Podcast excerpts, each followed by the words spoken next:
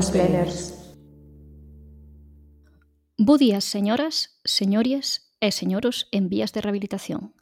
Benvidas ás Women's Planers, o podcast das mulleres que máis forte opinan do Podgalego, un podcast da revista Luces que podedes escoitar tamén todos os martes en Cuac FM ás 3 da tarde. Esta semana, ademais, temos que darlle os parabéns ás compañeiras de Cuac porque acaban de ser nomeadas de interese cultural e oficial xa está no Doga, amigas. O programa que estades escoitando vai ser emitido o día 25 de novembro, que como sabedes é a data oficial de loita internacional contra a violencia contra as mulleres.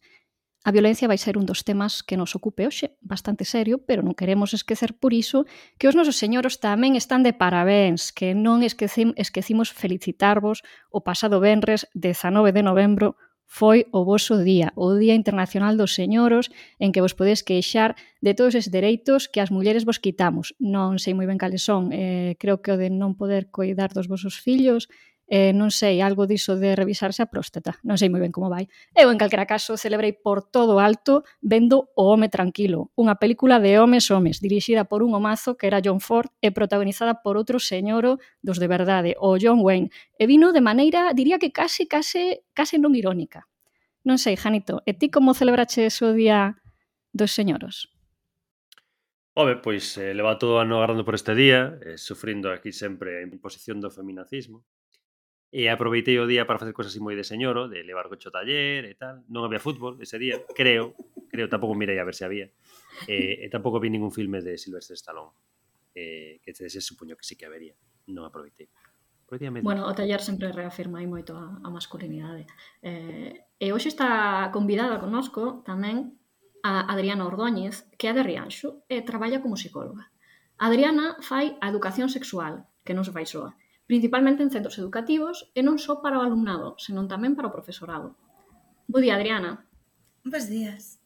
Tamén está hoxe connosco a Sabordilla, como cada semana, que esta semana tivo unha explosión mediática. Entrevistaron no Portal Galego da Lingua, publicou un artigo no Diario Nos sobre a serie Chegar a casa, que dis que non chegan a casa de todo, entrevistaron a pola rúa para TVG, que isto sí que é un, un gran evento. Eh, creo que debías falar desta última experiencia porque creo que bo galego na TVG non se ve a todas horas. Ola, bo día. Pois xa vedes que teño opinión para todo. Eh, se alguén me quere chamar máis para opinar, aquí estou o da TVG, pois xa sabedes, pois parte das preguntas foron en castellano e eu militantemente respondín en galego que lle vou facer, obviamente. Pero a todo hai que engañe, eh? porque tamén temos conosco a Sara, que nesta semana foi condecorada co título de Conselleira de Sanidade e Vicepresidenta do Goberno Amongueiro. A ver se superades iso, eh? Exactamente, isto é o maior logro da miña vida, eh? dixo en serio, porque vai a honra. Pero bueno, como xa poideches escoitar, acompáñanos como en cada episodio a malvada profe, que esta fin de semana está co corazón partido entre reeducar o seu alumnado homófobo e bully ou enviálos de cabeza ao gulag. Bo día, malvada profe. Bo día, Sara, pois efectivamente hai algo no meu nas miñas entrañas que me di que vai ser gulag pero terei que, terei que apostar pola reeducación, alo menos de todos eses que, que andan por aí mirando e non fan nada. Eh, hoxe convidamos a Adriana, que como dixemos é psicóloga, pero tamén é sobre todo sexóloga, para falarmos dun tema que, que non tocamos aínda nas Women's Planers, eh, máis que non fose de, de maneira así moi tangencial, que é o porno, a pornografía. Hoxe en día, pois todo o mundo leva un trebelliño no peto conectado a internet onde podemos ter porno a un clic a calquera hora e, por desgraza, tamén desde calquera idade. Como vedes vos este tema do, do consumo de porno? Eh, pensades que se comeza a consumir a idades moi temperás? Pensades que non hai cambios nese aspecto? Señoras, opine. Saboriña mm, Desde a perspectiva así histórica máis recente de eu ser nena e agora ser adulta, eh, o consumo mediático que facíamos na miña casa sempre pasaba por un filtro, que era o filtro de meus pais, porque só tiñamos unha tele, non había conexión a internet, entón todo o que meus pais vían, mm, pois tamén o vía eu eh, non sendo que me deixasen a min ver eh, deseños animados ou calquera cousa. Entón, cando saía algún tipo de escena un pouco así máis comprometida, pois iso xa digo, peneirábase e eran meus pais que decidían se si nese momento eh, continuábamos con ese filme ou directamente xa se surfaba para outro canal de televisión. Eh, as búsquedas que eu podería facer, claro, serían nun dicionario ou nunha enciclopedia e buscaría pene por rirme na clase con alguén no dicionario e, e tampouco sería nada erótico ese resultado que a, que a enciclopedia ou o dicionario me devolvería a min. Pero hoxe, como dixo a malvada profe, dixo moi ben, todo o mundo xa case parece un fito histórico, non? A xente entra no instituto e o primeiro que se lle dá a un rapaz ou rapariga cando está en primeiro de ESO para demostrar ese paso á adolescencia é darlle un telemóvel. Entón, a partir de aí, claro, a información que se lle devolve a un neno ou unha nena cando escriben pene no Google non é a mesma que, que a que recibía eu nin teñen ese filtro dos pais, porque non van facer esa búsqueda tampouco diante dos pais, explícome. Entón, hai pois unha información completamente ilimitada e máis de xente que aínda é moi moi moi vulnerable, moi impresionable. Eh, Sara, que nos tes que dicir?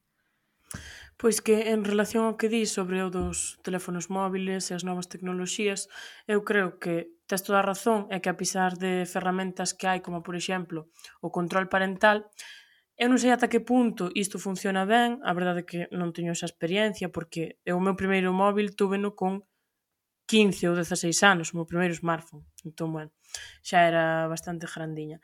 Non sei se é unha ferramenta suficiente para, entre aspas, eh, controlar o tipo de contido que consumen as crianzas. Porque, aínda que yo controles no seu móvil, vai ter un ordenador ou outro móvil de outra persoa accesible para calquera tipo de contido. Non?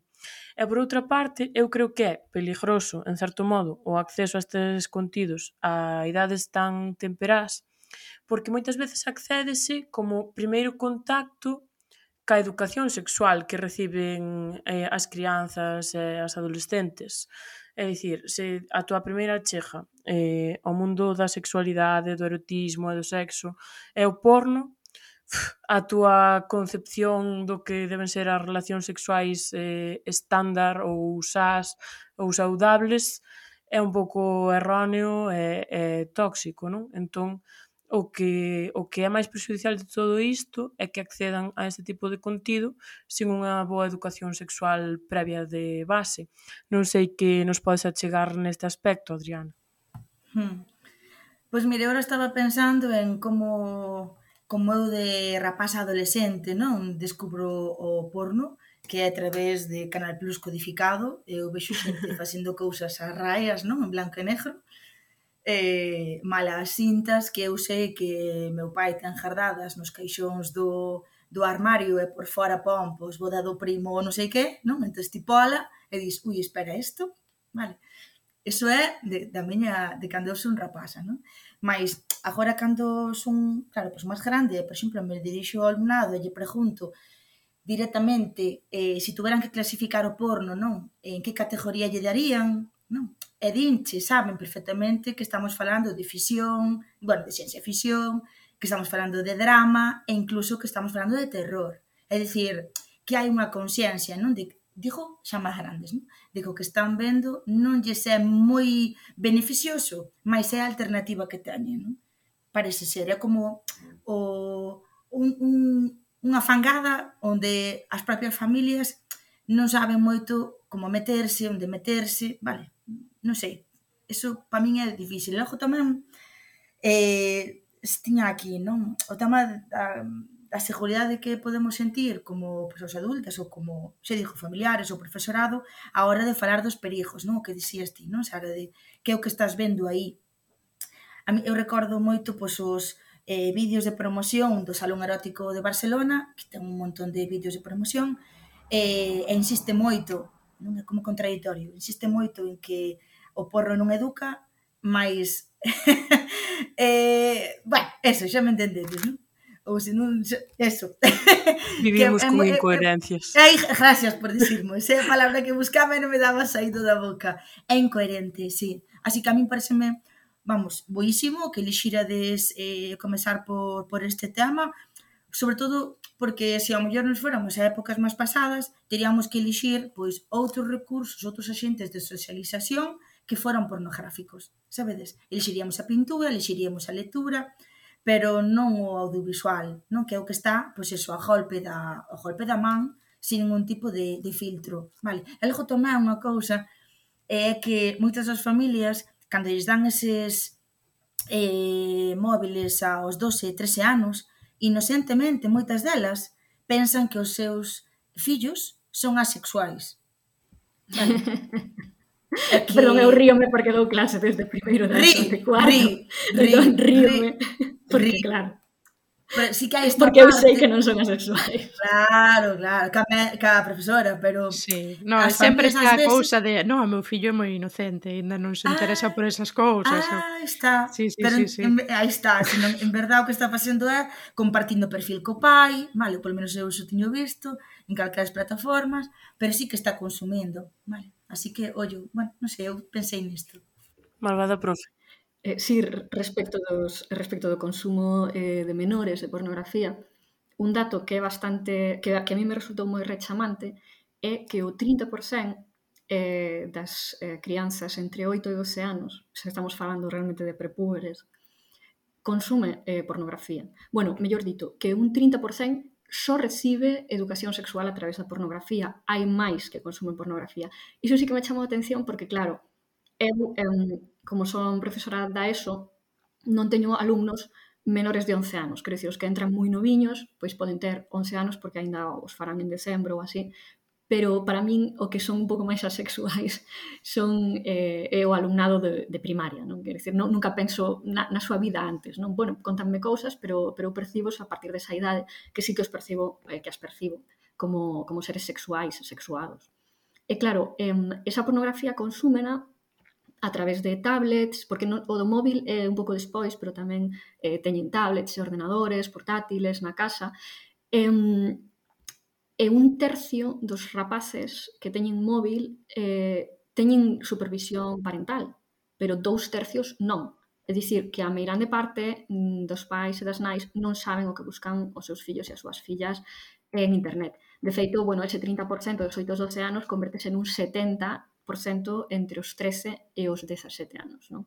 Entón, realmente o preocupante eh, quero dicir, a min preocupame máis esa minoría que non recibe ningún tipo de educación sexual a través do, eh, ademais do porno, máis que os que consumen porno, pero como diste, Mm, son perfectamente de que, eh, conscientes de que están a consumir ficción da mesma maneira que cando eu vexo eh, unha película de Stallone desas que, que Janito despreza pero eu, eu eh, valoro eh, en todo o seu esplendor eh, tiros, explosións eh, e músculos aí aceitosos que eu sei que todo iso non é certo pode darme a risa e podo incluso consumilo unha maneira irónica porque porque non sei que iso non é a realidade, iso non é a educación para o mundo. E sei no agora xa o sabía cando tiña pois, 10 anos ou 12, non?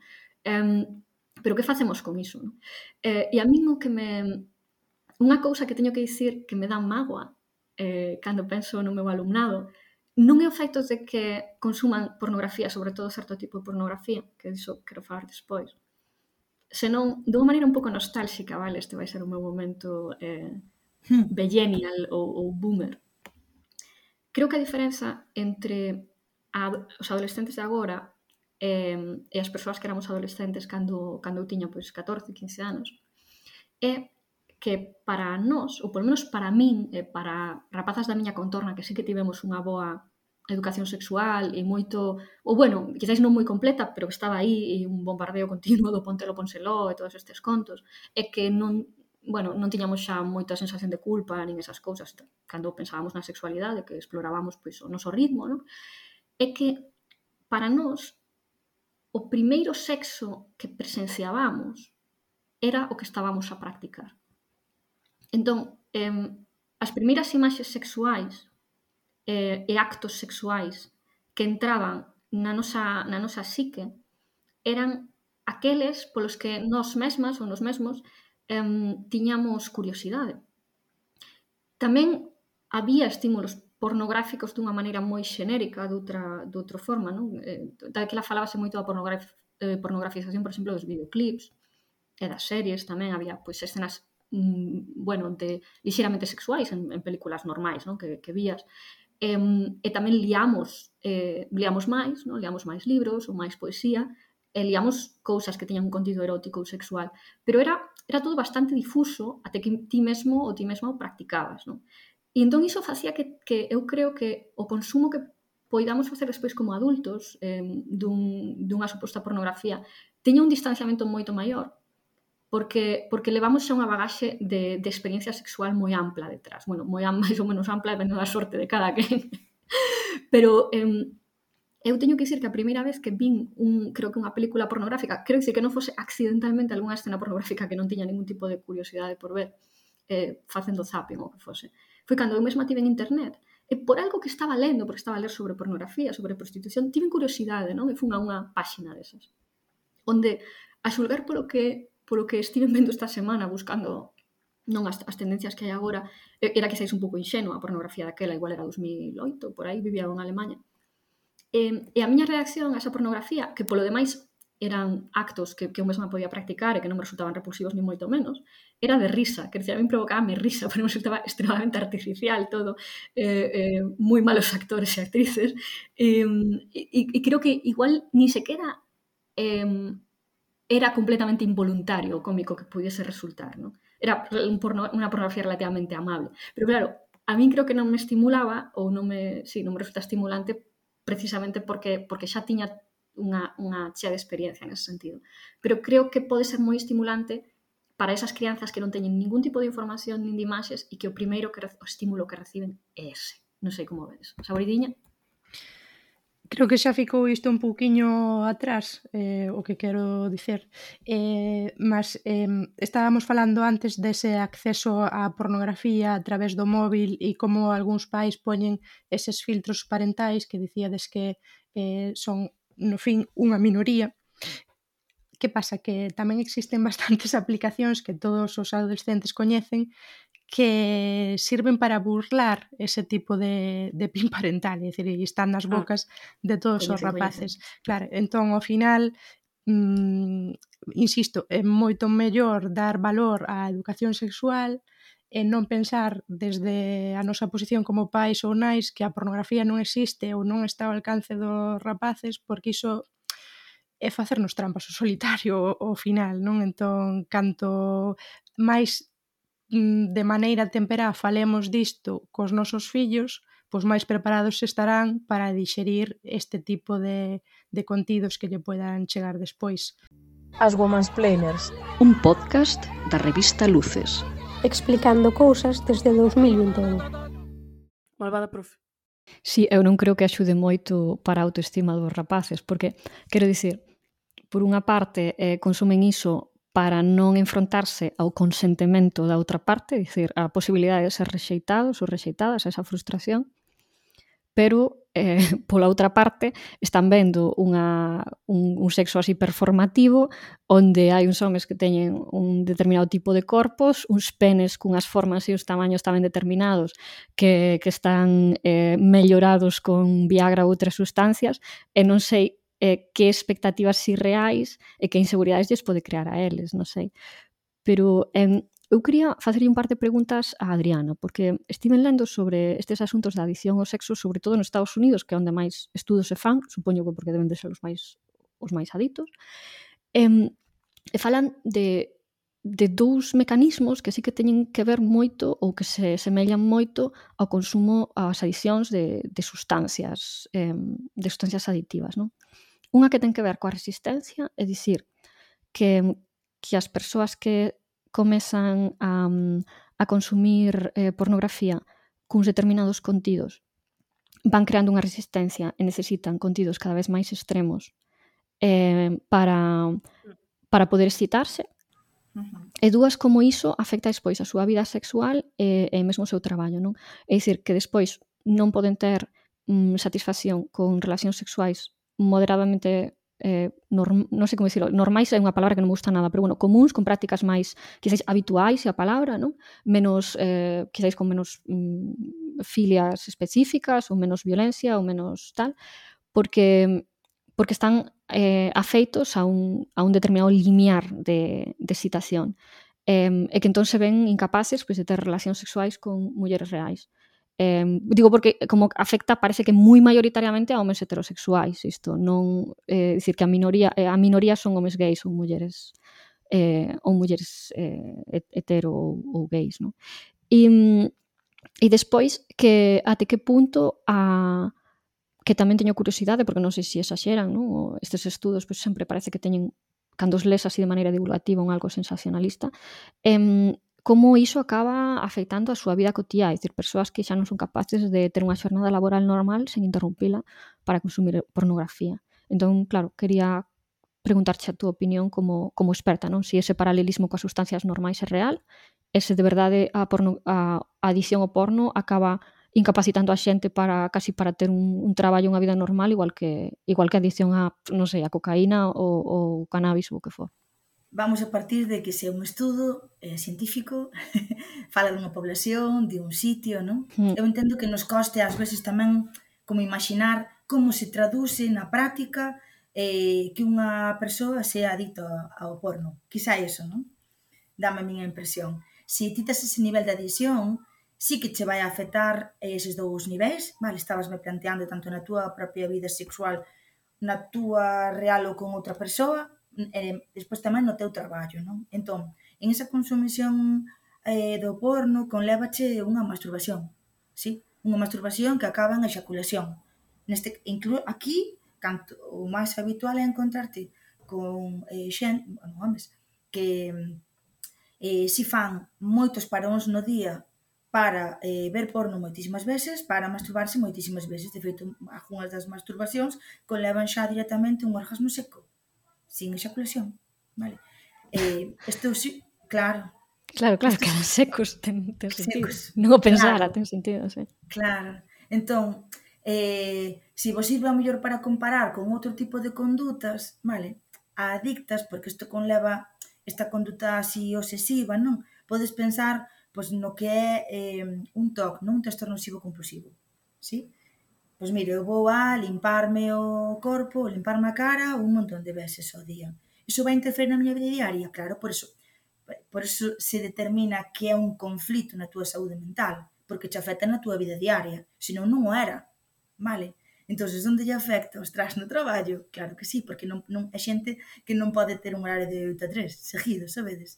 Hai moitas ausencias, hai moitos... Porque é algo que é unha necesidade do teu corpo que ti non podes controlar ata que non o, faz un traballo de autocontrol, vale? Neste caso, pois o contido audiovisual que conleva ou non pois unha masturbación, vale? Entonces, como te afecta a ti? Como che pode afectar? Wow. Decíamolo ora fai un momento.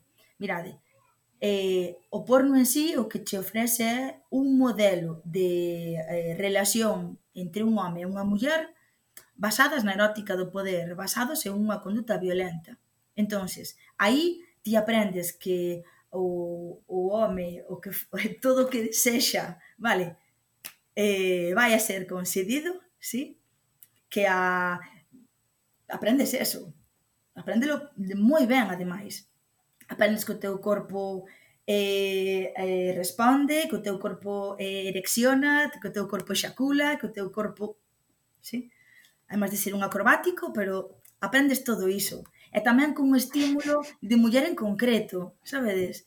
Ahora mismo, ahora mismo falo, eh? De unha muller con un pelo dun color determinado, con unha estatura determinada, sí? Con un pelo púbico non existente, con unhas uñas eh, feitas polo gel, vale? Un montón de... É como un imaginario eh, reducido, non? entonces eso é o que vai excitar.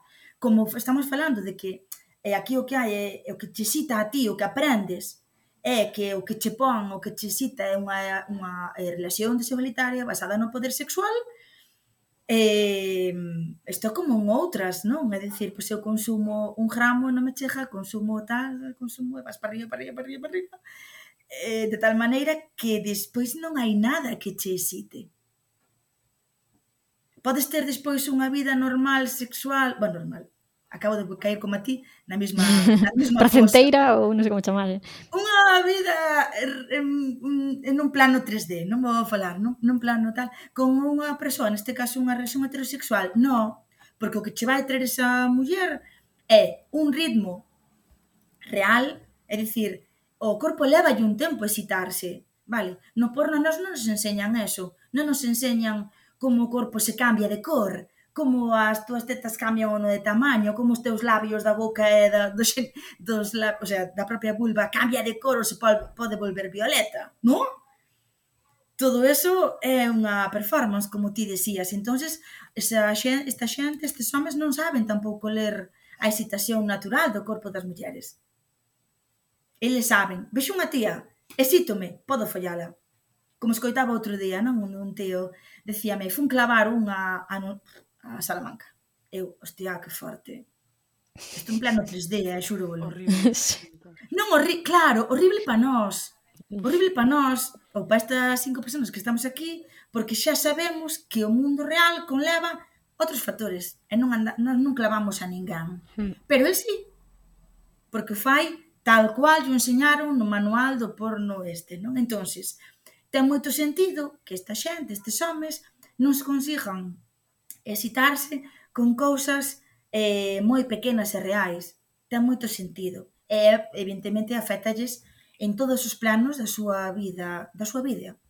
É dicir, eh, teñen ese comportamento máis, como lle chamamos requiano, non? De tu ciánaga, ti na túa habitación, cas túas catro pantallas, cos teus catro micos, cos teus... Sabedes, este, este, este escenario, e despois a muller tens que sobrevivir co móvil fora da casa, pero o que vas a intentar é que o que tives sea o máis excitante, perdón, o máis em, sentido posible, pero eso non lles vai a funcionar. Pero isto pásanos, eu ora pensaba no libro este da da teoría King Kong, non? De como se nos fala de que as mulleres tamén partimos desa fantasía da, da erótica do poder. Ao mellor, O que non tampouco decimos é que cando eses homes despois na vida real, ao mellor, arriman a outras mulleres, esas mulleres tamén van a facer o papel, bueno, van a querer facer o papel perfecto datado a esa performance que conleva, eu teño que estar para ti, o me rimo márcalo ti, e non vou pasalo ben, vale? Eu teño que xacular, eu teño que ter miles de orgasmos que non sei do carajo van a salir, porque eu non me toquei na miña vida, vale? Claro, entonces Todo isto é unha bomba de incomunicación sexual, de non prazer, de non divertimento. Ao fin, eh, o noso goxe sexual está secuestrado polo porno, sabedes? É como cando no COVID nos din confinados, non saiades afora. Vale, ok, que pasaría se non houbera porno? Sabes que no COVID aumentou moitísimo, non? O consumo. Eh, non o dixen o dato antes, pero eh, eh, en España, ademais, aumentou, creo que foi, era un 60%, as cifras eran no, terroríficas. Sí, sí. Entón, a xente aburríase con... moito. Bueno, pero ollo con isto, e logo tamén... Os que non entón estaban vendo porno estaban vendo do Merlos. vale. eh, outra das cousas é que, eh, claro, a mellor nós, como somos máis alleas a isto, pois non o vemos, non? Pero hai un sufrimento moi grande, non? A, a non ser capaz desta xente, a non ser capaz de verdade de sair, de non ser capaz de quedar, de quedar, sabedes? É dicir, que asumen que a súa vida, a súa vida sexual eh, vai a ser ansiosa, vai a ser agresiva, eles con eles, de facerse feridas no, no seu propio corpo, é dicir, se ti te masturbas ao día unhas 13, 20 veces, vale, sen lubricante, Mm, porque eso non entra no teu modelo de masculinidade e porque non se usa tampouco eso no porno, vale? Acabas con llagas, acabas ferido físicamente, emocionalmente tamén. Isto non vas a contar fora. É dicir, hai moito tabú ao respecto de que un tío sea adicto ao, ou non ao porno. Porque se vai a, a, a partir de que tío vas a consumir. Sí, pero canto. Donde? Sí, e con quen ou tal. Eso, deso tanto, así tanta chicha, non van a entrar pero eu sí que convido a que o fagan, vale? Porque logo entra o clic tamén, a ver se si isto despois tamén o comentamos, que é o tema de, dos vídeos máis vistos. Vale, dentro desas plataformas tipo Pornhub ou calquera as outras, que é o que de verdad, cal é o máis cal é o vídeo mm, que pode ser máis excitante para o cerebro este que nós temos eh, da fantasía sexual violadora, vale? Ou recibidora ou dada, vale? pero sí que eu vexo tamén importante, eh, polo menos saber tamén como vedes vós, ou que, que creedes vos que é, non? Que pensan? Sabridiña.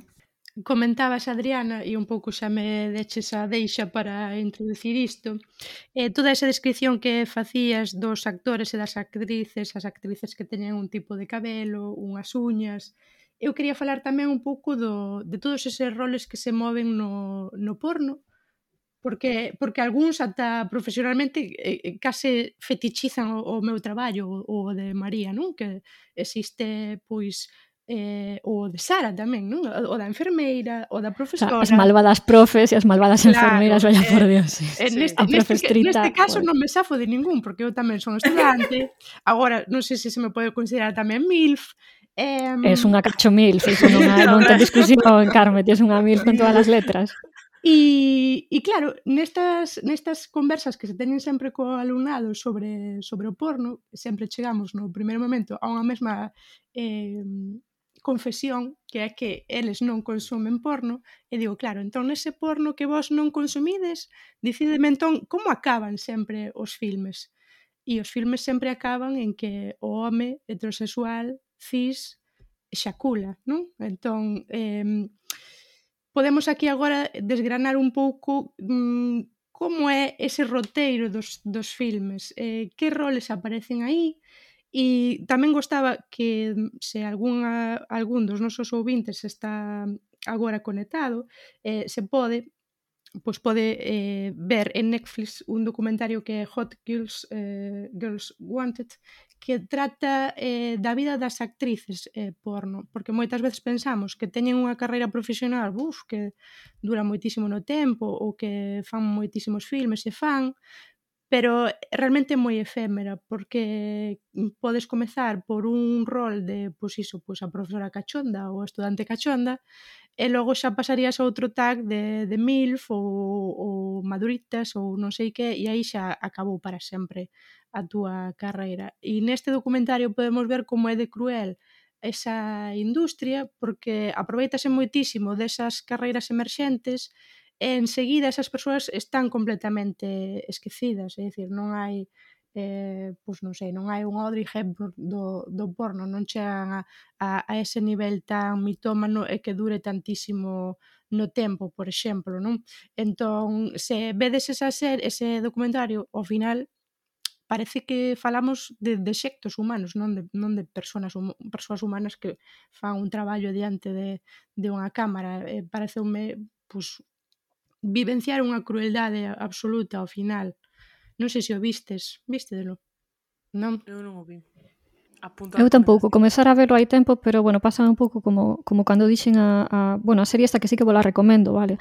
Pero eu só aturei o primeiro episodio, a de um, Adults Content, a, a, a serie que está en filming sobre a actriz, sobre a carreira dunha actriz precisamente que sí que está, pois, supoño que sobre os 40 anos e tivo unha, unha carreira máis lonxeva e máis privilexiada nese sentido, pero ainda así ves todos os abusos que, que sofre, non? Eh, Adriana? Sí, eu eh, sí que vos quería decir ao fío desto. Primeiro, eh, sinto dicirche que categoría MILF eh, é de las máis vistas, está no top 10. Mm. Vale. Eh, e das maiores tamén, é dicir, os roles que, eh, que, que, que buscan que ti eh, vexas, perdón, que ti, eh, como se di, signifiques, sí? É uh -huh. ou de menor, ou a MILF, sí? uh -huh. ou a, a moi maiores, uh -huh. sí? E eles sempre están, eles sempre teñen un papel, eles sempre van a ter un rol, porque son os que consumen, non? Todas esas, esas, esas eh, como diría, os objetos de desexo, non? De feito, estaba pensando nos vídeos que, hasta, que me costa hasta, pronunci, hasta pronunciar, non de eh, follome a, como din, eh, a filla da miña muller ou, bueno, non sei, que meten, que, que ti podes ler directamente no título do vídeo, vale, que é unha menor. Ora pode entrar a mirar calquera deles, vale, pero es, especifica si que é unha menor. E se non, ese rol de estudante, por exemplo, vai, vai a serlo, non? E logo tamén, en relación ao que estades comentando de, do das series, eu a de Hot Girls Want non a vin, pero si sí a do material adulto, eh, sí que me axudou tamén moito eh, a ver a, a realidade por dentro, vale? Porque, eh, claro, como é unha... Sabedes, cando se sacou a película de Superman, que eu era, non existía, eu era moi joven, e a xente dicíame que, claro, que houve moitas mortes de rapaces que se tiraron a voar Pois isto son novos. Sí, sí, sí, sí. Sí. Vale, para, mi, para a mí non. Eu escoitei no a semana pasada ou así, vale. Digo vos isto porque para min é unha moi boa comparación, sabe, desde que o sexo, ou perdón, o sexo, de que un contido audiovisual ficción leva a sofrimento ou morte, sí? E o porno, mentres non vexamos que ten esa categoría de ficción dolor, vale, ao mellor ti non ves a gravidade do que ti estás de verdade consumindo Vale. E digo isto porque esta muller, esta prota desta serie, que eu tamén recomendo un montón vela, si que eu si que acabei de ver, eh, levoume varias semanas, tamén o dixo, porque hai moito que dixerir en cada un dos capítulos, vese moito eh, que é o que te piden, que é o que ti queres, eh, eh, o motivo por que as rapazas entran a, a ser actrices porno, as, o abuso de poder, bueno, é un, unha pasada de, de material, é moi duro, sí que é certo que é moi duro. Ainda así, sí que me parece importante, diste, hai que ver os roteiros do filme, non? Eu preguntaballe outro día a un, a un chaval que está en terapia porque el eh, non ten eh, unha erección que el quixera, sí? Bueno, deixa hasta aí, non ten unha erección que el quixera. E cando eu lle pregunto eh, como é o seu... Um, como el pensa, non? Como vai ser ou non esa relación sexual, pois el, o seu roteiro é tal cual, pois o porno, non? En plan, ti quentaste, ti ves esto, ela chúpacha, sí, ti metes ya, perdón polo, polos vulgarismos, vale, pero eu tiña que nivelarme este chaval, sí? Ti quentaste, el, ela chúpacha, ti chupas un momento, ti fóllala, ti correste, ela vaise, non? El quedou moi angustiado cando lle dixen todo isto, porque é como, dixía el, E ti como sabes como fago? non lle dixetes, es que eres unha heterobásica. claro, aí está, aí está a heterobásica. Claro, pero no seu cerebro había moita Bueno, aí aí no de ti chupas ya, xa me parece, sí, atención, sí, porque, bastante. Porque no, no modelo capitalista da educación sexual, os homes eh, sigue sendo machista, eh? pídeselles que fajan que esas mulleres teñan un montón de orgasmos e teñan un montón de eyaculacións. Uh -huh. Vale? E sigue sendo mm, desigualitario o que sexas. Pero si, sí, el decía, espera, como, como sabes, non? Eu preguntaba, a ti justas este, este, este modelo, non este roteiro como destino? Mm. El decía, no, a min eso non me gusta. A mí gustame que me biquen, a mí gustame que se queden na parte da cara, que no parte, sabes? Que se queden aí, que se queden na boca. E dicía eu, claro, é que ela tamén ven con un modelo, sabedes? Mm. Ela sabe o que ten que facer. De feito, el decía, ostras, cheja, e baixamos pantalóns. Por que? O sea, el sí que cuestiona o modelo que ve, vale, uh -huh. pero depois na práctica non entende porque as cousas son distintas. É dicir, que sí que hai, de verdad, un, moita xente, moita xente, moita xente, moita xente, que sí que practicamos esa performance na nosa vida diaria e creemos que ao final pode ser presenteiro. Eu ainda non o encontrei. Si vos si, contádemo, vale? Podgalego. Podgalego.agora.gal Oh, ah, eu sabía que era punto. A ver, veña, dicímolo outra vez. Podgalego. Podgalego. Podgalego. Podgalego. Podgalego. Podgalego.agora.gal No, outra vez, outra vez, outra vez que non está, non está grabando agora. Moita xente facendo cousas moi interesantes que está comunicando en galego Podgalego.agora.gal Sara? Eh, un pouco a colección deste tema, eu penso que, bueno, no referente ao que preguntaba Carme, dos roles e da imaxe que, que se mostra no porno, eu creo que o, o porno ou entrar nunha páxina porno é entrar nun mar de etiquetas e clasificacións eh, a meirande parte delas misóxinas, racistas, mesmo homófobas moitas veces, porque o porno para consumo xeral ou digamos o porno industrial e maioritario está definido por uns roles eh, hetero, basicamente, relación home-muller ou mesmo home con varias mulleres ou que sexa unhas relacións de poder e eh, de sumisión sempre por parte da muller, sumisión non consentida eh, na maior parte dos casos, e eh, imaxes de escenas mesmo de, de violacións. Hai, hai categorías nas páxinas webs que é violación, sí. un apartado de sí. Sexo performando entre eh, aspas, que moitas veces eu dubido que sea unha performance, eh, no, violacións eh, despois ligado a isto hai moitísima discriminación porque claro, eh, os corpos que se nos ensinan moitas veces no porno son corpos normativos na, na súa maior parte corpos eh, pois delgados, atléticos con as tetas no pescozo eh, sin un pelo no corpo e eh, pouco máis. E todo, creo enfocado a un consumo masculino de público cis hetero, pero incluso o porno eh, homosexual de mulleres, o porno lésbico eh, maioritariamente está feito para non sei, para o disfrute masculino, digamos. Non sei que opinades eh, respecto a todo isto, malvada profe. Eh, sí, eu estaba a pensar É curioso, porque agora mesmo é como se me lera o pensamento, porque era unha das categorías que aí me chamaran a atención. Esta semana estiven a ver non que, que é o que se ofrece nesas, nesas plataformas, a mirar en eh, Pornhub e creo que a outra era RedTube ou algo así, non me lembro. Sí. Vin varias, e unha non sei que XXX vídeos, bueno, estiven así mirar, non as etiquetas que había e que se ofrecía, entre as cousas máis vistas, non sin, sin buscar eu nada, sen darlle nada ao algoritmo. Realmente había de todo. Eu hai unha cousa en que case vos teño que quitar un poquechiño a razón que é que se comparo o tipo de imaxes de, de corpos de mulleres que me ofrece o porno, ou que me ofrece unha plataforma de porno generalista como estas, que non eu supoño que despois haberá máis específicas para determinados determinadas parafilias ou determinados eh, gustos en, en certo tipo de persoas ou de corpos. Son bastante inclusivos, no sentido de que eh, a min me ofrecía, como persoa que nunca fixo unha procura, non? Para, para ofrecerme, supoño que todo o abano de posibilidades, desde eh, fantasías onde o asunto é asuntos incestuosos que me daban bastante grima, de a, a meio irmá eh, adolescente co meio irmán tamén adolescente, adolescente quero dicir, bueno, supoño que non son menores en realidade, pero que pasan por ter 18, 19 anos, que igual os teñen, igual teñen algún máis, eh, que se supón que fan cousas pois no dormitorio cando os seus pais marchan, en ate eh, fantasías esas de, de dominación, sumisión, quizáis, entre eh, profesora-alumno ou profesor-alumna, tamén con médico ou médica, enfermeira, eh, paciente, eh, as clásicas do, do FP, eh, o, o fontaneiro, o, o mecánico ou incluso grupos de fontaneiros ou mecánicos ou obreiros,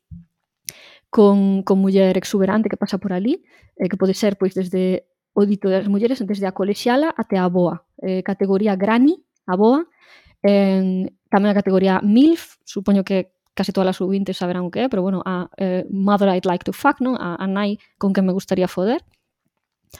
Eh, e tamén hai mulleres desde que podes buscar como categorías, non?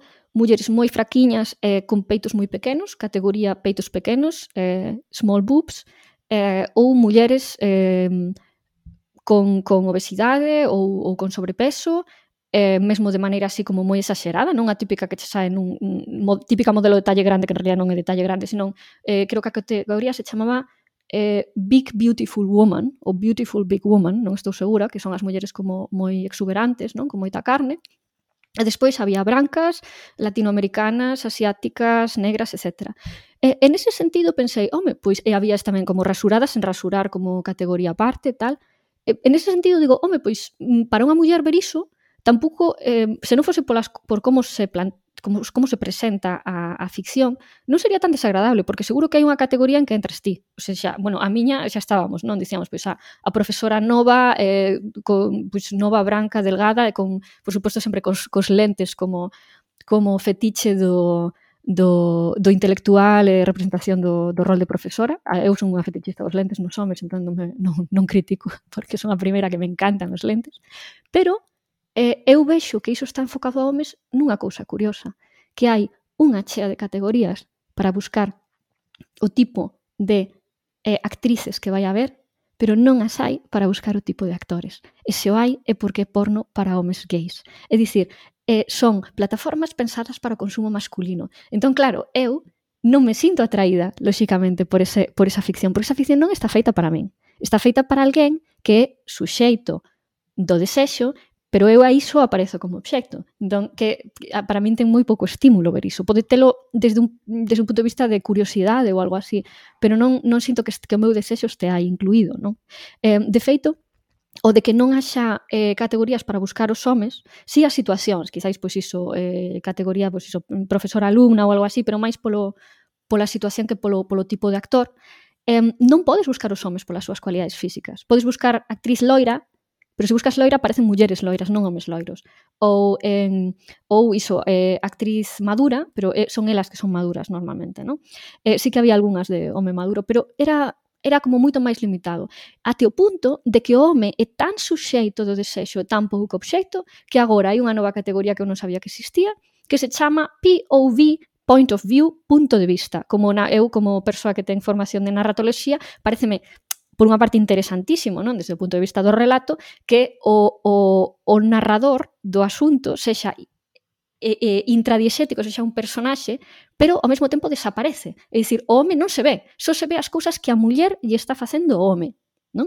Ou que un home lle está facendo outro home, que había algúns casos que eran esos. É dicir, o home como, como narrador cámara pero que está dentro, non? É dicir, eh, o, o noso interese das mulleres heterosexuais polo corpo dos homes tense tan pouco en conta que do home desaparece todo a gaso pene.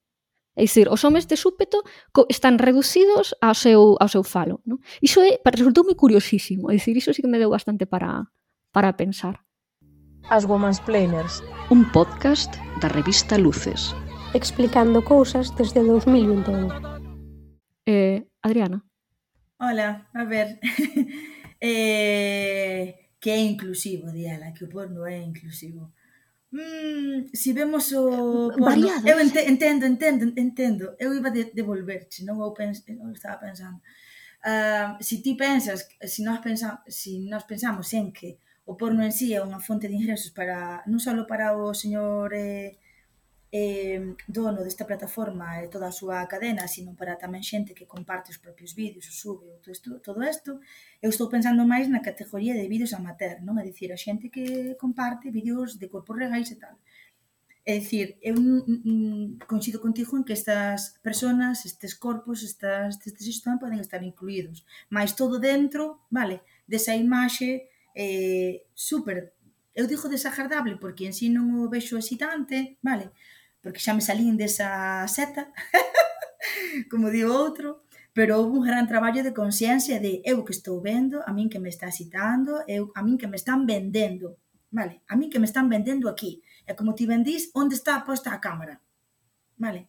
E como este onde está posta a cámara, que é nos ollos, nos ollos del, non? De que é o que verías, Eh, a mí tamén me eh, gustaría eh, traer non? A, a pregunta, ou devolveros a pregunta de si credes que é posible eh, un eh, porno feminista ou un porno pensado desde ese ollo de muller non?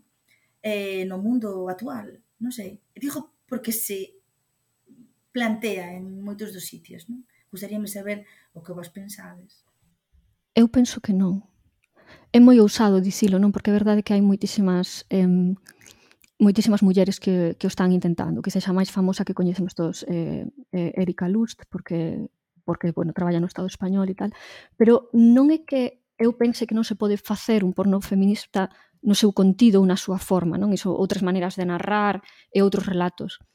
Senón que penso que as propias condicións materiais que isto é un problema marxista ao final, non? O sea, quer dizer, que as propias condicións materiais en que se realiza o porno, porque a xente que eh, porque unha cousa é facer pornografía, que iso o estamos obviando, non pornografía escrita, se eu escribo un relato, eu podo escribir un relato de pornografía feminista.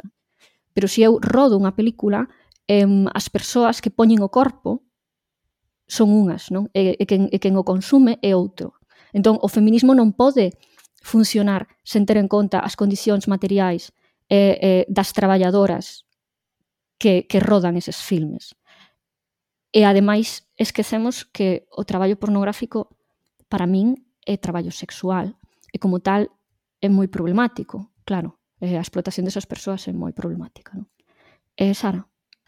Eh, xa que estamos a falar de porno feminista, eh, eu creo que hai moitas risas cunha categoría de porno que se chama hentai, que basicamente son debuxos eh, pornográficos, bueno, nos que sí que se representan os corpos das persoas dunha forma mm, exagerada ou pouco habitual ou con características eh, que non son comuns, digamos, pero que a min pareceme o tipo de porno máis ético que pode haber. Quero dicir, ao final son debuxos animados, non está unha persoa real eh, poñendo o corpo, como dicías ti, malvada profe, para que despois outro tipo de público moi distinto o consuma.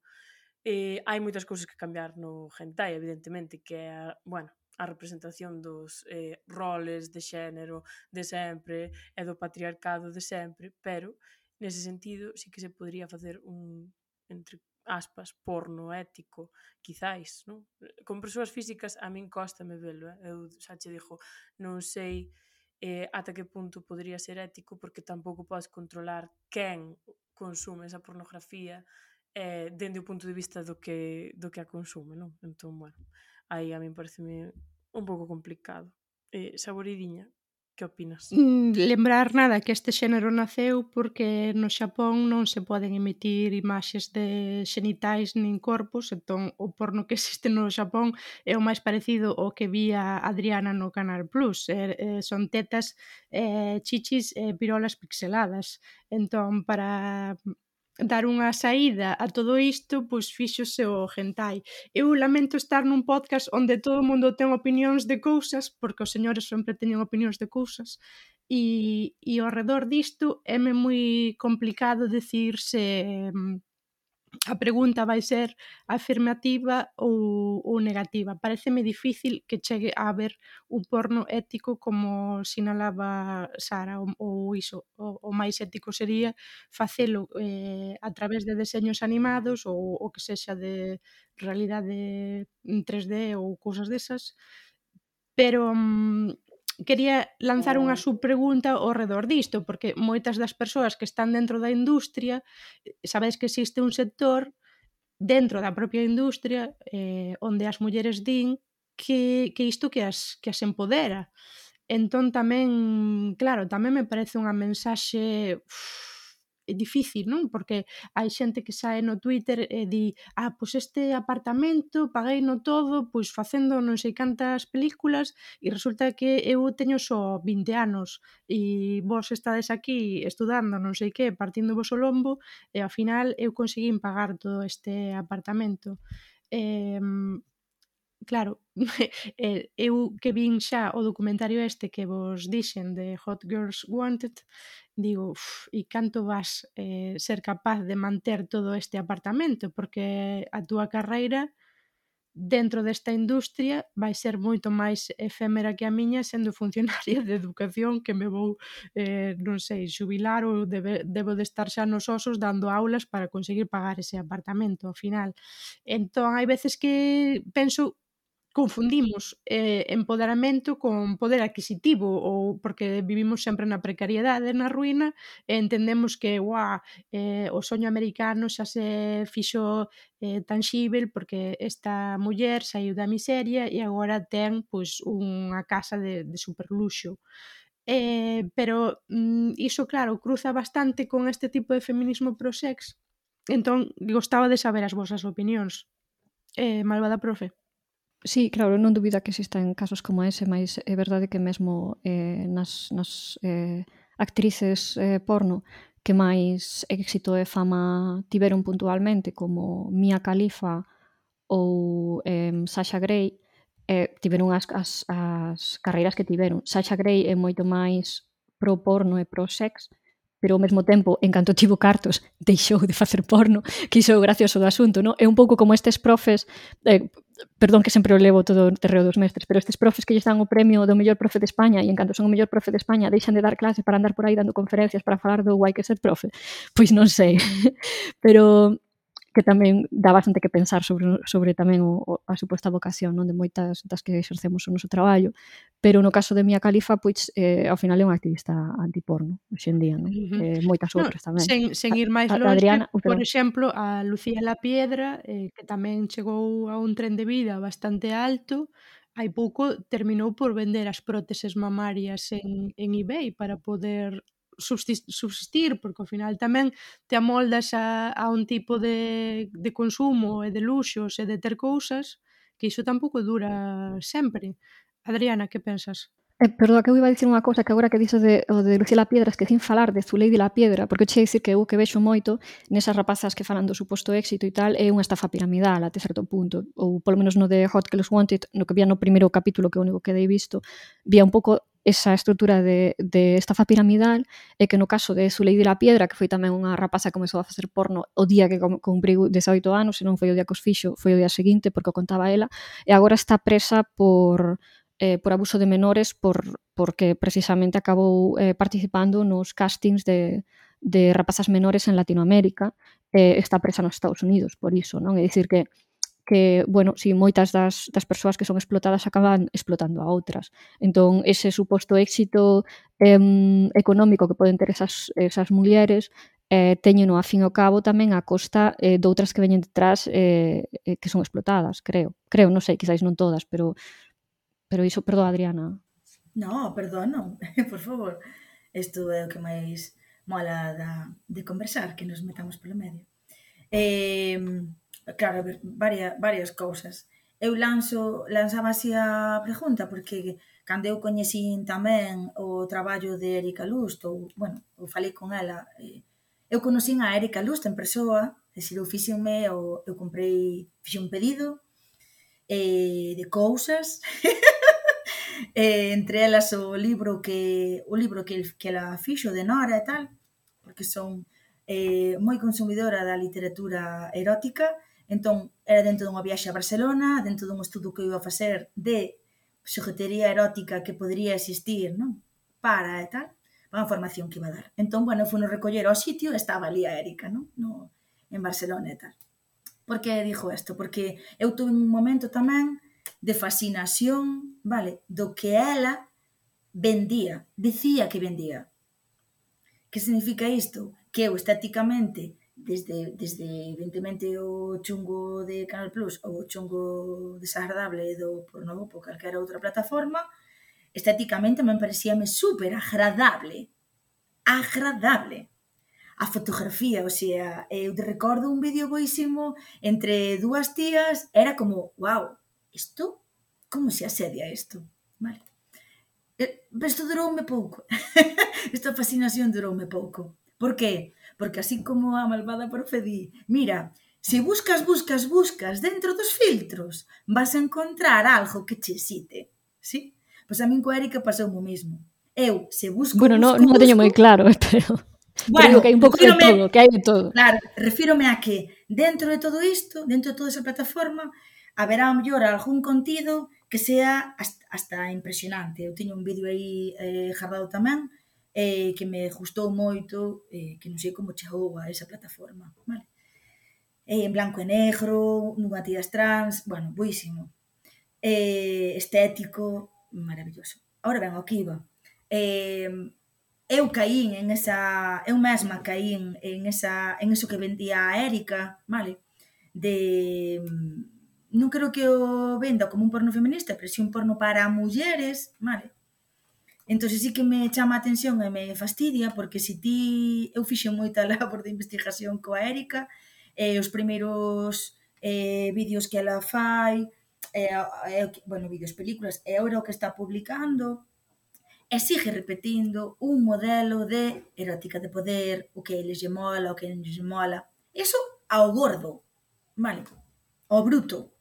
Despois, Sí que é certo que ten un proxecto moi bo, que eu est, eh, eh, como se di, Ex Confessions, onde ela o que fai é botar man da nosa, do noso imaginario fantasioso e di, contame, dame a min guiones de pelis, sí? Entón ela, entre todo eses guións, perdón, entonces, eh, entonces as confesións que nós facemos, elixe cal eh, levar ou non a, a realidade con actores e actrices, vale? Entón aí Claro que despista. Por qué? Porque, claro, elixe situacións como do cotiá, non? Pois recordo unha, imaginade, pois non sei, pois que estamos na habitación, eh, el ela na habitación dos meniños entre xoguetes, sí? E quedo aquí.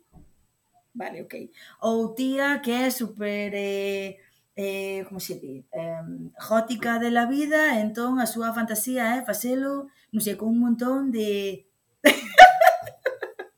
de rosarios, vírgenes, vale, todo isto así va, vale, guai, vale, isto está moi ben, porque claro, é divertido, porque sale do dese, dese roteiro do que falaba antes a Carmen, non?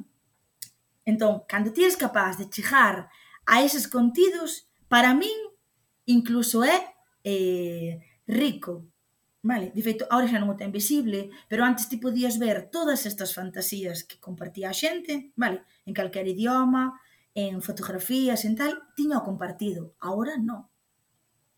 Ahora ou te compra as pelis ou non va, vale? Entón, eu non, non o nomearía porno feminista, pero sí que si rascades hai materiais, hai pelis que sí que poderían ser incluso instrutivas a hora de eh, enseñar de verdad o que necesita a cada quen. Pero iso non, de, iso non quita que ela sigue metendo vídeos donde eh, perpetúa esa erótica do poder, esa fantasía eh, sexual da violación. E mí iso sí que me preocupa.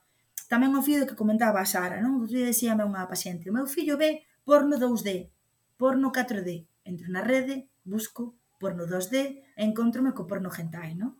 Un porno hentai que o que falla, como ti ben dis, exagerar os tributos sexuais, non é dicir, pois unhas tetas, unhas mamas moi grandísimas, un pene exageradamente gigante, vale?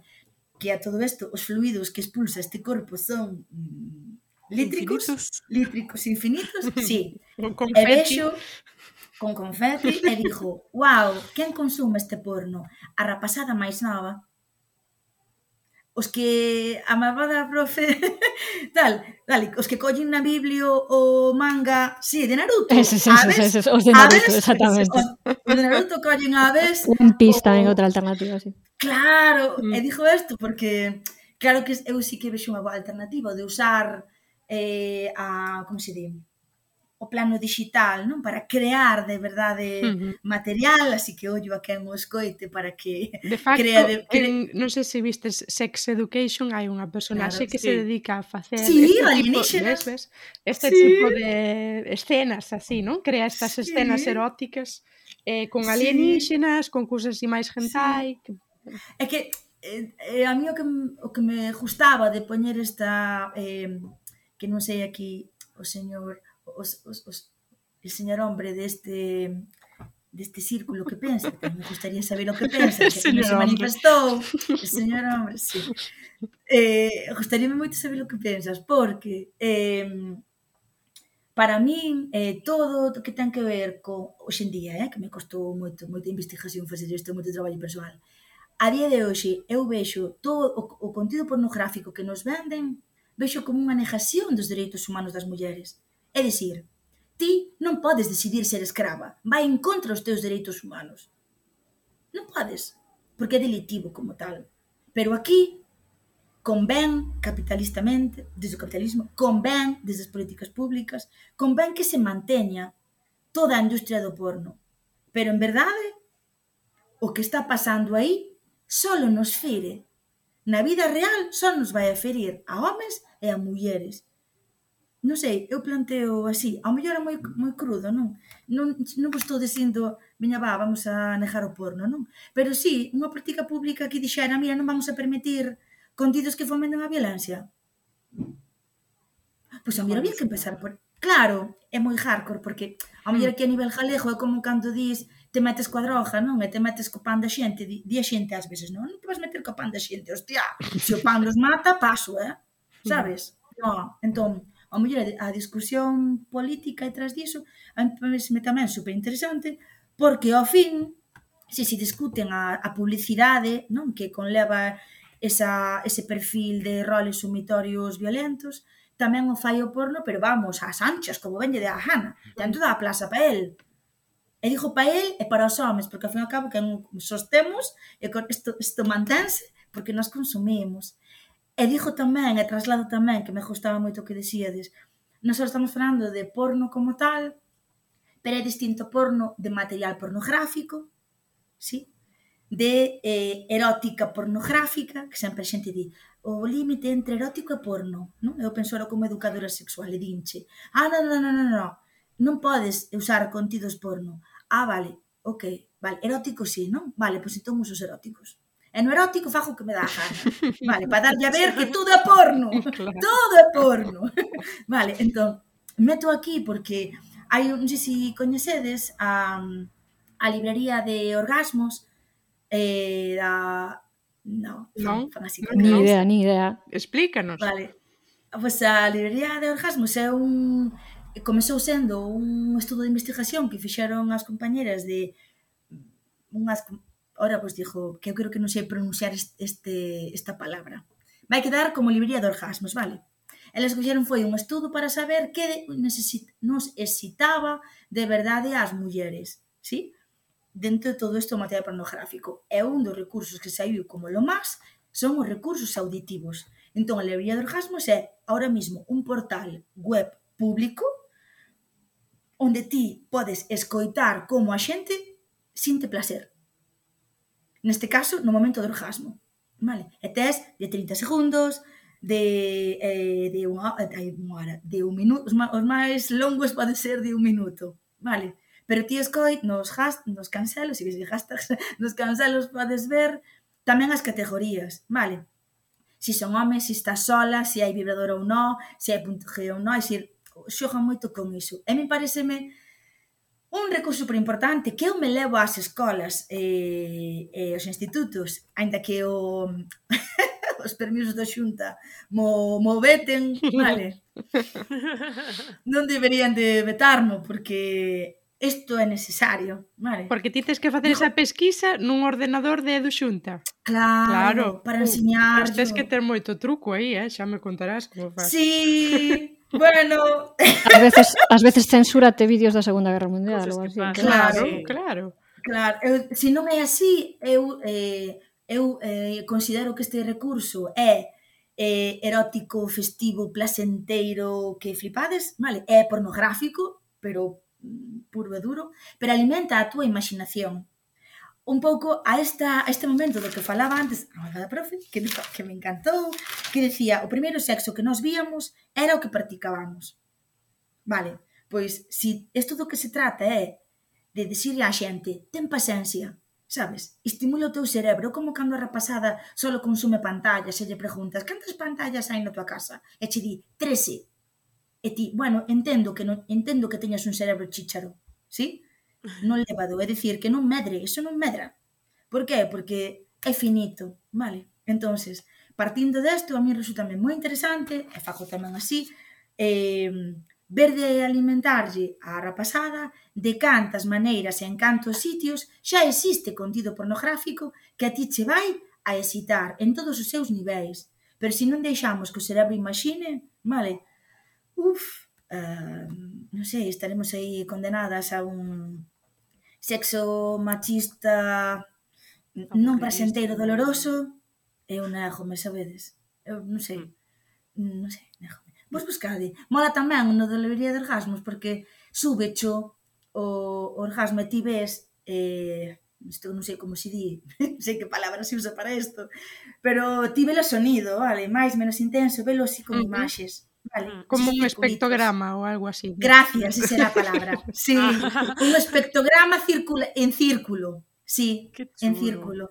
É, para mí é moi atractivo. E sobre todo porque é real, sabedes? É real. A min mólame moitísimo, creo que é un recurso bo, el xa non vos decir de tirar de, da propia poesía erótica galega, sabedes que hai un montón dela, ou de que a xente eh, se atreva de verdade a, Ai, na boa é mala, a escribir. Sí, pois pues agora, agora bueno, se me deixas, Adriana, se me deixas meto a cuña publicitaria, porque na, adiante, na adiante, Través adiante. Editora temos un libro que se chama Abadesa o dicer, que é realmente ¿Ah? un verso da lírica trovadoresca galega, que sabedes que aí hai tamén bastante de, de erotismo, pois as mellores escritoras galegas están aí e fixeron todas un relato erótico xuntáronse e con iso todo fixeron un libro con este título que vos animo a ler.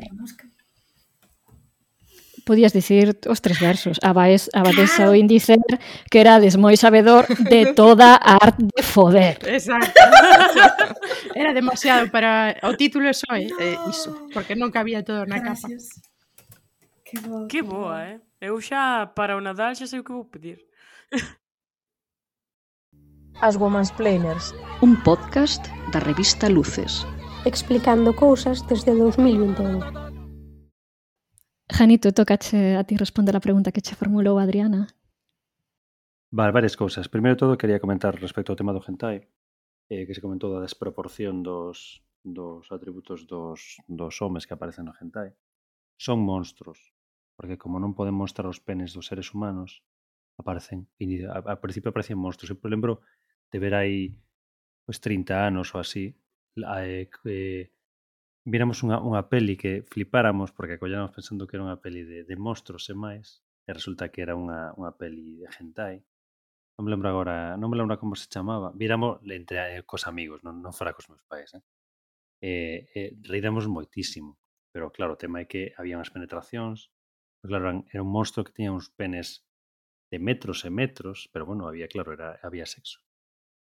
Despois o tema de, de, da excitación e todo eso, eu como teño unha idade pre-internet, que dicir, medrei, medrei antes de que existira internet, entón a miña educación é completamente distinta que poden ter os meus fillos agora. Pero bueno, evidentemente o porno está feito para excitar os homens. Eso xa o que se comentou aquí. Unha cousa que deixamos fora que me parece bastante relevante, e creo que polo tema que levamos tempo levamos xa eh, probablemente vayamos... Pero a pregunta de Adriana era máis concreta. A mí gustaríame ver a túa, a túa resposta. Que era, se pensas pregunta? que o porno viola sistemáticamente os dereitos humanos das mulleres ou que os nega? Se viola sistemáticamente os dereitos... Sistemáticamente, non. Eh, en grande medida, sí. O problema respecto a outra cousa da que comentaba ela, se había que prohibir o, o, o a violé ou o porno violento todo isto. O problema con iso Eh, primeiro, que non hai unha regulación global, e agora mesmo con internet, eh, poñelle portas ao campo é imposible. Vale? Eh, entón, se, se prohibimos certo tipo de, de filmes, eh, probablemente nos pase como pasa co, co Xapón, que ao final en Xapón está prohibido, pero no resto do mundo non. Entón, supoño que en Xapón seguirán consumindo. E se consigues prohibir, eh, se consigues prohibir eh, as agresións e tal e cual, non sei se acabará vendo eh, snuff movies, realmente, decir, que, que iremos a peor, non sei. No, realmente non, non teño unha idea formada respecto a isto. Entendo que que é moi complexo, sobre todo pensando na, na bueno, non son na, na, nos homes adultos que, que, que, que son adictos, senón se comentou durante todo o programa da educación dos, da xente que está ainda formándose. Creo que iso é o máis máis triste de todo isto. Pero no, que comentaba que, que quería que non deixáramos pasar é falar eh, sobre un aspecto que xa entra do, dentro do plano do ilegal. Porque dentro, ata agora falamos de moitas cousas que son legais, ou que supostamente son legais, porque eu que sí que vin o documentario de, de Hot Girls Wanted, eh, aquilo era un piso patera, era un piso paterno que se explotaba a ilusión. Eh, mulleres que pensaban, chegaban ali pensando que iban a ser estrelas do cinema, ainda que fora do cinema porno, e acababan exprimíndoas eh, no, nos cortellos como se foran que eh, como se foran porcos ali metidos nas súas gaiolas, pois exactamente igual. Entón, era unha cousa realmente eh, estarrecedora.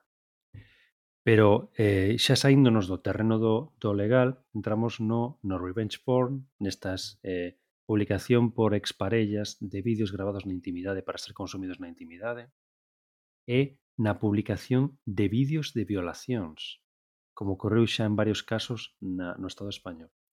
Isto xa non é que sexa eh, eh, éticamente cuestionable ou éticamente eh, malo ou claramente malo, como poden ser outro tipo de contidos, e isto é totalmente ilegal. E si que non se fai nada, ou polo menos eu non, non tengo consciencia que se faga nada, por evitar que suceda. E non sei que, que opinades do tema. Eh, sí, eu quería responder a isto e aínda eh, enganchar un pouco co anterior. É que antes falou Adriana destas páxinas web. Non deu ningún nome, pero eu quería falar dunha, da que me falou un amigo, eh, que é a persoa con que me, me máis teño falado de porno, creo, na, na vida, eh, hai seis ou sete anos, eh, que, que precisamente é o único amigo que, que ten falado abertamente comigo do feito de que consume porno e de que tiña un problema non, non de adición, ni moito menos, sino un problema ético co consumo de porno, porque lle gustaba consumir pornografía, pero ao mesmo tempo era consciente non só de que as condicións en que se facía o porno podían ser moi cuestionáveis, por exemplo, pois en Europa faise en Budapest, eh, lembro que lera moito, mandarame documentais e tal sobre como se facía o porno en Budapest, senón tamén co, co, co tipo de sexualidade que, que representaban e que non lle gustaba e que non sentía cómodo vendo iso, non con esas dinámicas das que falábamos. Entón descubrira esta páxina que se chamaba Oh My God Yes, O OMG Yes, que eu penso que era que falaba Adriana, e que era un repositorio onde mulleres de man... non era da que falabas ti, vale, pero onde mulleres de maneira em, de maneira amadora, vamos, eh, se gravaban a sí mesmas eh, con audios, tendo orgasmos, E, e subían ademais, cunha serie de hashtags especificando non se, se, se ese orgasmo tiveran elas soas masturbándose ou tendo sexo cunha parella eh, ou empregando algún tipo de xoguete ou o que estaban facendo nese momento, non? E que, e que el de súpeto pois, descubrira iso, lembro que vais me animar a utilizalo, xa, pero subio, porque é moi necesario que haxa tal, eu non o fixen, a verdade. Pero creo que tamén parte do, do xogo ou da excitación que, que lle podía producir a el tiña que ver co feito de saber que alguén que coñecías eh, podía telo subido aí ou de coller unha cousa ao show e imaginar que era tal vez o orgasmo dunha muller que a ti che gustaba ou que coñecías, non? E que entón dentro dese xogo pois que lle parecía moi interesante. Pero despois do que falaba Juan, só quería comentar, e que creo que o compartín con vosco esta semana no, no grupo de Telegram, que, mm, que hai, o sea, que esta mesma semana unha eh, unha muller nova de, de, de Valladolid, estaba a denunciar que a violación que sufriu eh, está a ser compartida en plataformas pornográficas. Non especificou cales, porque mm, porque supoño que la mesma quere preservar a súa intimidade a priori, pero por favor, se sodes consumidores, consumidoras habituais de, de pornografía e vedes algún eh, vídeo que está en español de subida recente onde se ve a, a, unha, unha eh, relación sexual violenta, eh, denunciado e eh, avisade a policía e eh, facede capturas porque é posible que se trate do, do que lle pasou a esta, a esta moza. Eh, Janito. Adriana, temos unha nova sección. Tes unha pregunta que quedou para ti desde a semana pasada. E despois ti terás que facer unha pregunta tamén. Esta era a pregunta. Presada Adriana, Martiña Almóndega deixou unha pregunta para ti. E ti tes algunha preferencia dietética ligada ao veganismo ou ao flexitarianismo? Cal é a túa opinión sobre o tema? Que divertido isto. Ora estou pensando en que pregunta lle vou deixar a que veña. eh, pois mire, eu recordo cando coñecín o que agora é a miña muller que eu me presentei a ela como curi de vegana, non? que a mí encantaríame practicar o crudiveganismo. En verdade, ela despois douse conta de que isto era todo así un, unha intención, pero que, que non, que ao fin acaba, acaba sendo eh, super carnívora, sobre todo cando menstruo, canta máis sangue mellor en esa carne, e despois o resto das, dos días si que é certo que son moi fan, moi fan da verdura, dos vegetais e do, do peixe. De feito, agora que estou en, Alternando a miña residencia entre Sevilla e Galicia desde outubro, descubrín que o valor emocional, o patrimonio cultural que ten de verdade para min o caldo, eu chego ao aeroporto, de verdade, e o primeiro que fago, se podo, é ir a Casa Lorenzo a comer un caldo. Caldo, non leva eh, eh, este carne, eh, pero sí caldo, caldo, cocido, por Dios. Sí, esa é a pregunta respondida. Que ben.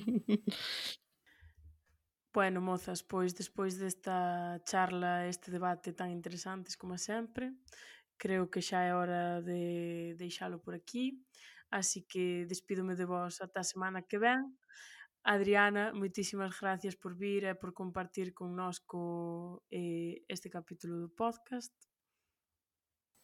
Ai, se, Tedes que saber, eu xa dixen antes aí off the record, a mí facíame moitísima ilusión. Eu no descanso marchei a correr para a cociña mentes vea facía o caldo e dixen, estou super nerviosa, super nerviosa. Estaba saltando, sí, non? E dixemos meniño, salta, salta, salta, salta. eh, sí, valoro moitísimo o vosso traballo, de verdad. Eh, que eu me poña nerviosa tamén a vos, porque eh, o que quero trasladar con isto é que eu tamén son humana, sabe? De repetistedes moito a palabra experta, pero en verdade Eu sou unha rapaza, unha muller moi nova que ten pois, moitas inquedanzas a respecto da vida sexual prasenteira e, por favor, non dolorosa. Así que gracias a vos, a vos por, por pensaremos xuntas aquí. Pois moitas grazas de novo. Eh, grazas a ti por vires. Como mm. sempre, acompáñanme eh, o Janito, o noso querido asistente de confianza. Moitas grazas, Janito. Grazas a vos, ata a semana que ven. Ata a semana que ven, saboridiña. Até a próxima semana. Foi un placer case erótico, Adriana, ven máis veces. eh, dei que a próxima semana tamén, malvada profe. Eh, dei que a próxima semana, eh, moitas grazas de novo, xo pasei no especialmente ben. Pois nada, desfrutade moito todas do vosso erotismo, da vosa sexualidade, da forma máis a eh, mellor posible. Dei que a semana que ven. Auf Wiederhören. Algún día aprenderéis a pronunciar eso correctamente.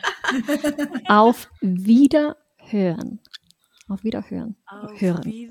¿Qué dicen ellos? Ah, que vengo Sara. Mira, Sara. Mira, Sara. Una mujer eh, políglota. Auf Wiederhören. Como auf Wiedersehen. Auf, Wiederhören. Ja, ja, ja. Janito, muy bien. Es Vivamos,